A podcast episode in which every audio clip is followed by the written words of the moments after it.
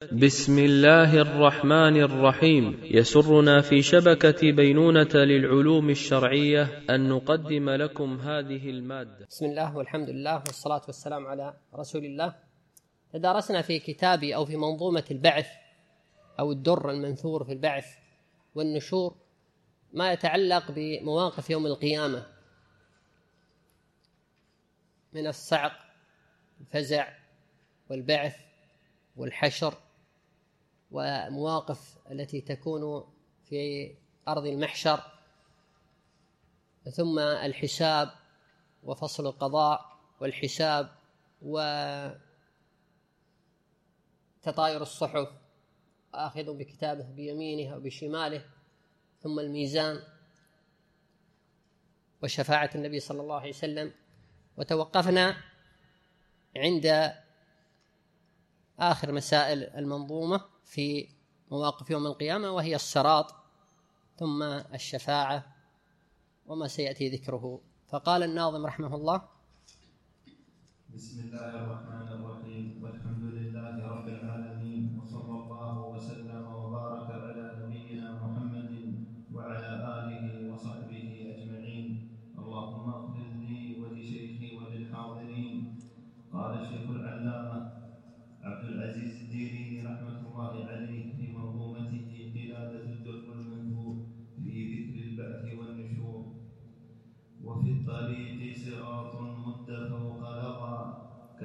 سيف سطى في دقة الشعر والناس في ورده شتاق مستبق كالبرق والطير أو كالخيل في النظر.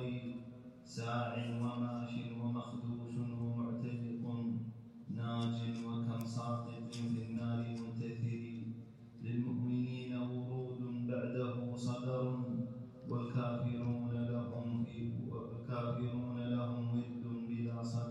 نعم هذا الموقف الثامن في هذه المنظومة في يوم القيامة وهو الصراط. ودل على إثبات الصراط في يوم القيامة القرآن والسنة وإجماع أهل السنة. وخالف في ذلك المعتزلة. وقولهم مردود باطل. والصراط هو الجسر الذي يضرب أو ينصب على متن جهنم يعبر عليه إلى يعبر عليه للوصول إلى الجنة. وقد قال الله سبحانه وتعالى وإن منكم إلا واردها. والورود معناه هنا المرور. وقد جاء أن حفصة أو جاء عن النبي صلى الله عليه وسلم قال لا يدخل النار إن شاء الله من أصحاب الشجرة أحد. الذين بايعوا تحتها. فقالت حفصة رضي الله تعالى عنها بلى يا رسول الله وإن منكم إلا واردها.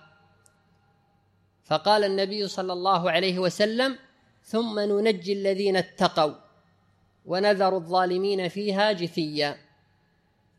فدلت الآية على أن الورود هنا للمؤمنين معناها المرور.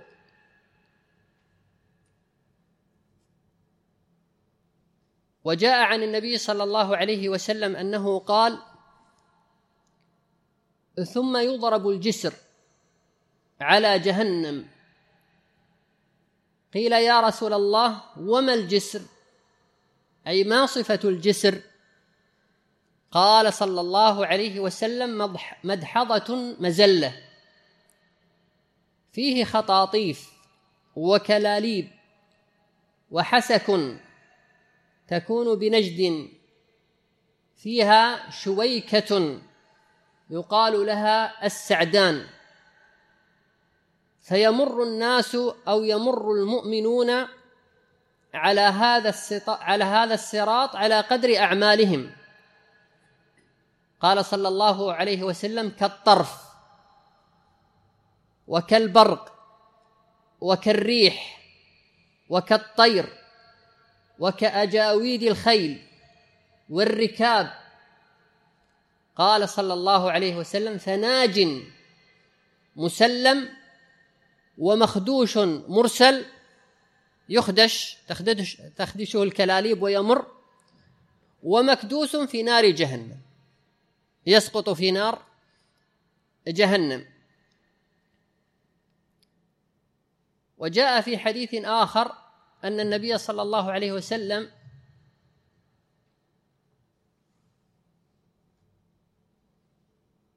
قال فيمر أولكم كالبرق. فقال أبو هريرة رضي الله تعالى عنه بأبي أنت وأمي أي شيء كمر البرق؟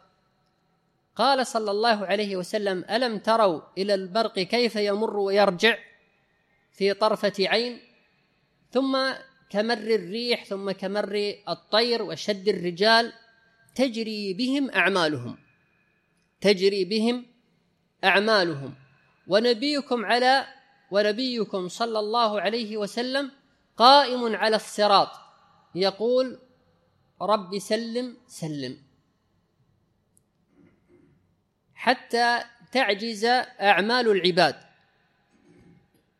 يبقى بعض الناس عندهم أعمالهم قليلة.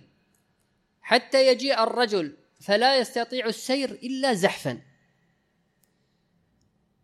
قال صلى الله عليه وسلم وفي حافتي الصراط كلاليب معلقة مأمورة بأخذ من أمرت به. كالاليب تأخذ الناس. من أمرت بأخذه. فمخدوش ناج ومكدوش في النار. قال والذي نفس أبي هريرة والذي والذي نفس والذي نفس أبي هريرة بيده إن قعر جهنم لسبعون خريفا. يكردس فيها. وجاء في وصفه أن النبي صلى الله عليه وسلم قال كحد السيف.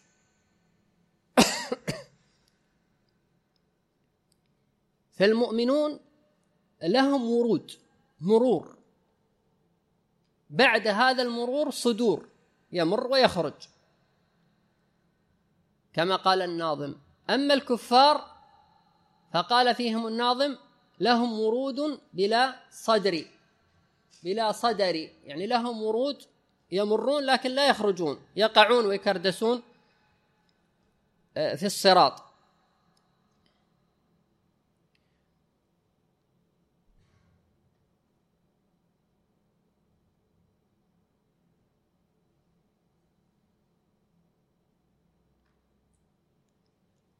وعبارة المؤلف تحتاج نوع توضيح.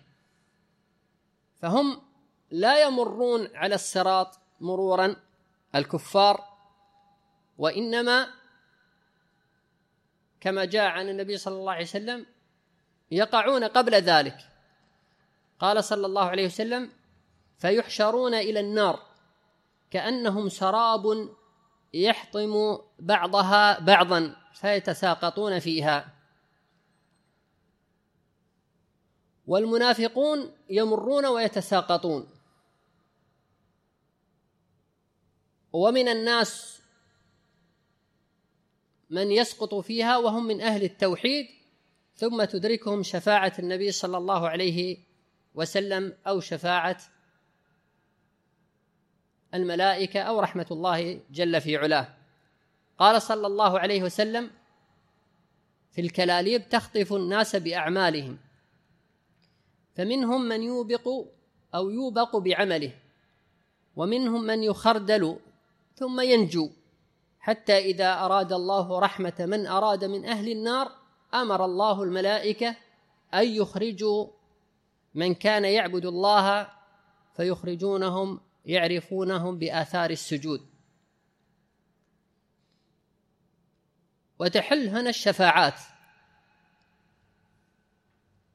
وقد جاء عن النبي صلى الله عليه وسلم ثم يضرب الجسر على جهنم وتحل الشفاعة. لذلك أورد المؤلف بعد ذلك مسألة الشفاعة في عصاة الموحدين. فالشفاعة التي سبق أخذناها كانت في الشفاعه العظمى والآن في الشفاعة العظمى خاصة والآن الشفاعة العامة. قال الناظم قال رحمه الله فيشفع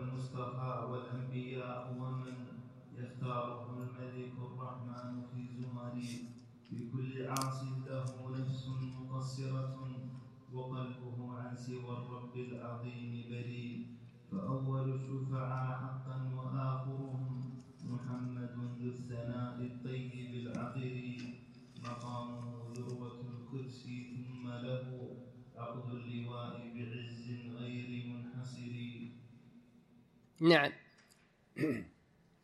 الموقف التاسع من المواقف التي ذكرها الناظم الشفاعة في عصاة الموحدين. أي أن الموحد المسلم الذي عنده شيء من الكبائر والذنوب يشفع فيه فإما أنه لا يدخل النار ابتداء وإما أنه يخرج من النار. وهذه الشفاعة دل عليها النص والإجماع. وخالف في ذلك أهل التطرف من الخوارج والمعتزلة والروافض.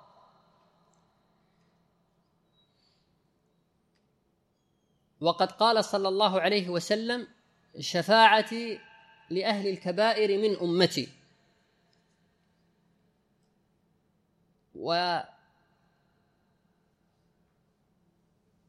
قال أنس رضي الله تعالى عنه من كذب بالشفاعة فلا نصيب له فيها.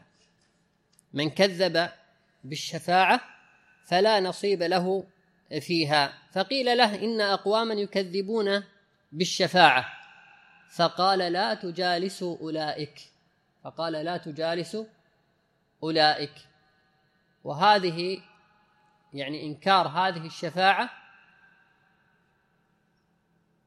هو من قول أهل البدع والأهواء الذي يجب علينا أن نحذر من هذا الفكر ويجب علينا أن نناصر أهل الحق في رد هذا الفكر. فبعد أن يتساقط عصاة الموحدين في النار الذين هم أصحاب الكبائر والذنوب تحل الشفاعة. فيشفع النبي صلى الله عليه وسلم في أهل الكبائر ويشفع الأنبياء ويشفع المؤمنون وأهل الصلاح في أهل الكبائر أن يخرجوا من النار. قال صلى الله عليه وسلم يخرج قوم من النار بشفاعة محمد. فيدخلون الجنة يسمون الجهنميين. وجاء عن النبي صلى الله عليه وسلم أنه قال قال الله عز وجل شفعت الملائكة وشفع النبيون وشفع المؤمنون ولم يبق إلا أرحم الراحمين. فيقبض سبحانه وتعالى قبضة من النار فيخرج منها أقواما لم يعملوا خيرا قط قد عادوا حمما فيلقيهم في نهر في أفواه الجنة يقال له نهر الحياة فيخرجون كما تخرج الحبة في حميل السيل حبة عندما توضع على طريق السيل ثم تنبت. صفراء الشجرة الصغيرة هذه. فينبتون كما تنبت هذه الحبة في حميل السيل. وأشار الناظم في هذه الأبيات إلى بعض ما فضل الله به محمد صلى الله عليه وسلم. فذكر أنه أول شافع وأن له المقام المحمود.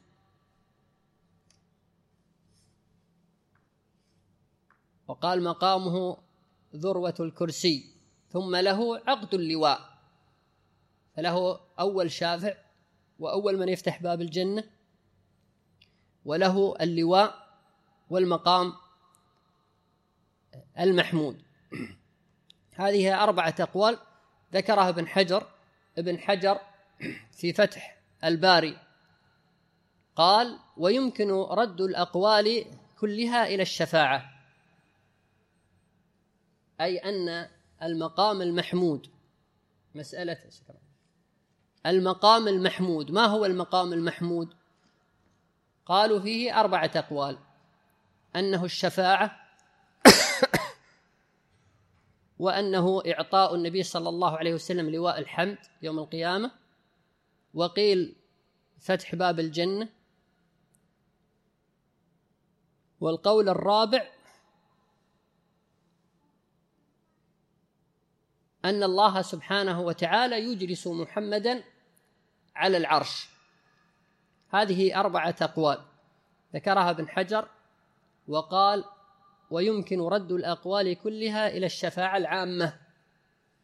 فإن إعطاءه لواء الحمد وثناءه على ربه وكلامه بين يديه وجلوسه على كرسيه وقيامه أقرب من جبريل كل ذلك صفات للمقام المحمود الذي يشفع فيه ليقضى بين الخلق ليقضى بين الخلق. وهنا مسألة أود الإشارة إليها. وهي من فسر المقام المحمود بإجلاس النبي صلى الله عليه وسلم في العرش أو على العرش. وهي مسألة دقيقة لكن ترددت في ذكرها لكن سأذكرها لسبب. قال مجاهد في تفسير قوله تعالى عسى أن يبعثك ربك مقاما محمودا قال يجلسه يعني الله يجلسه معه. على عرشه. على عرشه. وقال جمع بأهل من أهل العلم بهذا القول.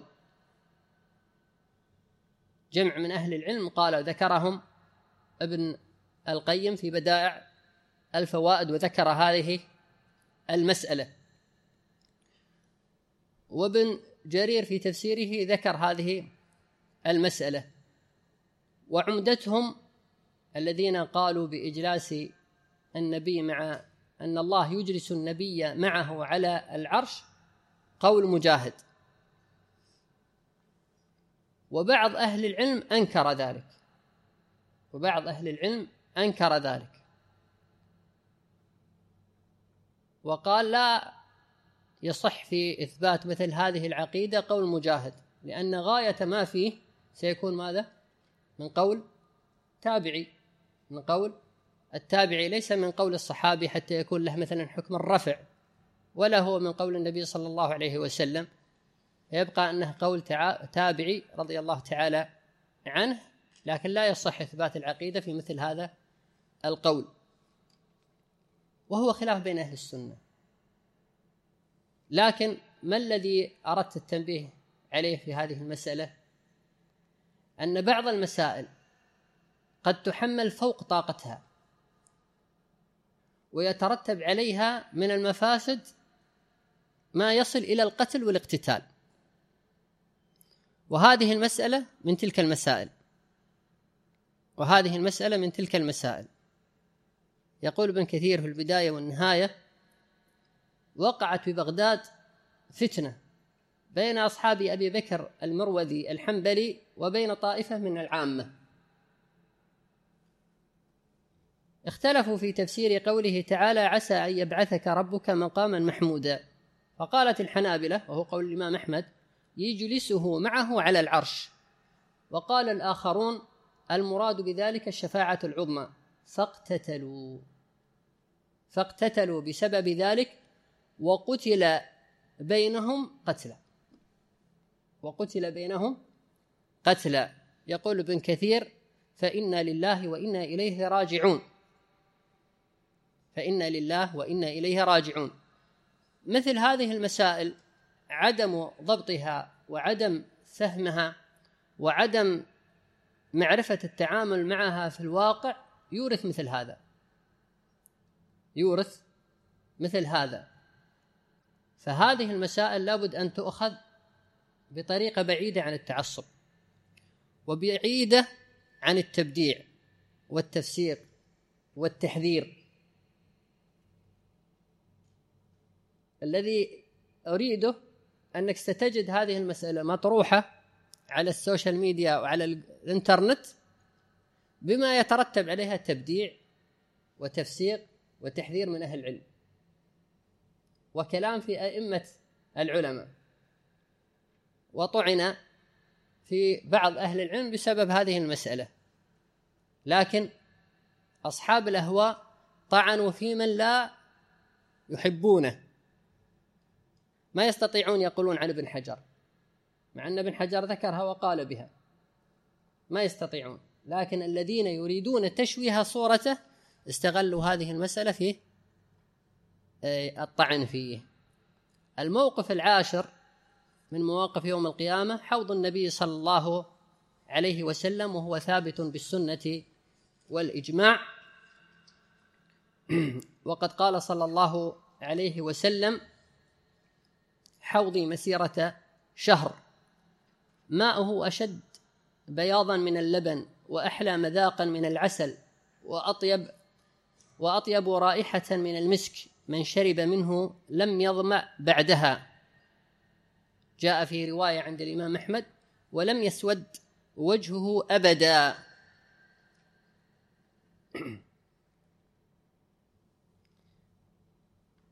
والحوض في يوم القيامة يرده من أمة محمد صلى الله عليه وسلم أهل التوحيد والسنة. ويذاد عنه أهل النفاق وأهل البدعة. وذكر القرطبي وابن عبد البر وجمع من أهل العلم التنصيص على الرافضة والمعتزلة والخوارج. أنهم ممن يذاد عن هذا الحوض لأنهم باتفاق أهل العلم من أهل البدع. وجاء في حديث النبي صلى الله عليه وسلم ليصدن عني طائفة منكم فلا يصلون أي للحوض. فأقول يا رب هؤلاء من أصحابي فيجيبونني أو فيجيبني ملك فيقول وهل تدري ماذا أحدثوا بعدك؟ وفي رواية قال ما زالوا يرجعون على أعقابهم. فمن نافق أو من ابتدع يذاد عن حوض النبي صلى الله عليه وسلم. الموقف الحادي عشر إخراج عصاة الموحدين من النار بفضل الله. وهذا جاء في حديث عن أبي سعيد الخدري أن النبي صلى الله عليه وسلم قال إذا دخل أهل الجنة الجنة وأهل النار النار يقول الله سبحانه وتعالى من كان في قلبه مثقال حبة من خردل من إيمان فأخرجوه فيخرجون فيخرجون قد امتحشوا وعادوا حمما فيلقون في نهر الحياة. ومر في الحديث الذي مر أن الله سبحانه وتعالى يخرجهم بفضل منه ورحمة أنه يقبض قبضة من أهل يعني ممن دخل النار فيخرجهم سبحانه وتعالى. من النار بعد أن كانوا حمما. هذه بعض مواقف يوم القيامة على حسب ما ورد في النظم. فمن عرف ما يكون في يوم القيامة لابد أن يزيل عن قلبه قيود الغفلة وأن يرفع عن بصره وبصيرته غشاوة الجهل والكسل. لأن المواقف عظيمة. نفخ وصعق وفزع وبعث وتطاير للصحف وحشر وحساب. كيف يكون الإنسان مع هذه في نهاره عاصيا؟ وكل حسنة وسيئة لها أثرها في الميزان. كيف يتساهل الإنسان في خطيئة لا يتوب بعد فعلها؟ والكتاب لا يغادر صغيرة ولا كبيرة. كيف يفعل الإنسان إذا وقف بين يديه بين يدي الله سبحانه وتعالى وهو عنده تلك المعاصي والذنوب والمخازي. قال بعضهم ومن أعجب الأشياء أنك تعلم بأنك مأخوذ بما تتجرم وأنت على ما أنت في تق وأنت على ما أنت فيه مقصر ولا مقلع عما عليك يحرم كأنك في يوم القيامة آمن إذا برزت للمجرمين جهنم. فلا تغتر بالعمر إن طال واعتبر فإنك لا تدري متى يتصرم وتسكن بيتا غير بيتك مظلما وما فيه مشروب ولا فيه مطعم وتترك ما قد كنت فيه محكما وغيرك فيه لو علمت محكم وتأتي غدا من بعد يسرك معسرا.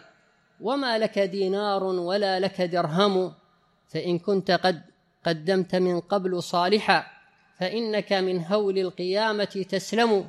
فكن مقلعا وارجع إلى الله واغتنم.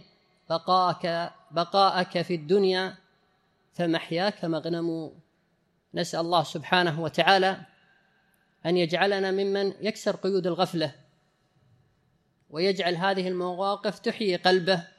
وصلى الله على نبينا محمد. للاستماع إلى الدروس المباشرة والمسجلة والمزيد من الصوتيات يرجى زيارة شبكة بينونة للعلوم الشرعية على الرابط بينونة دوت نت وجزاكم الله خيرا.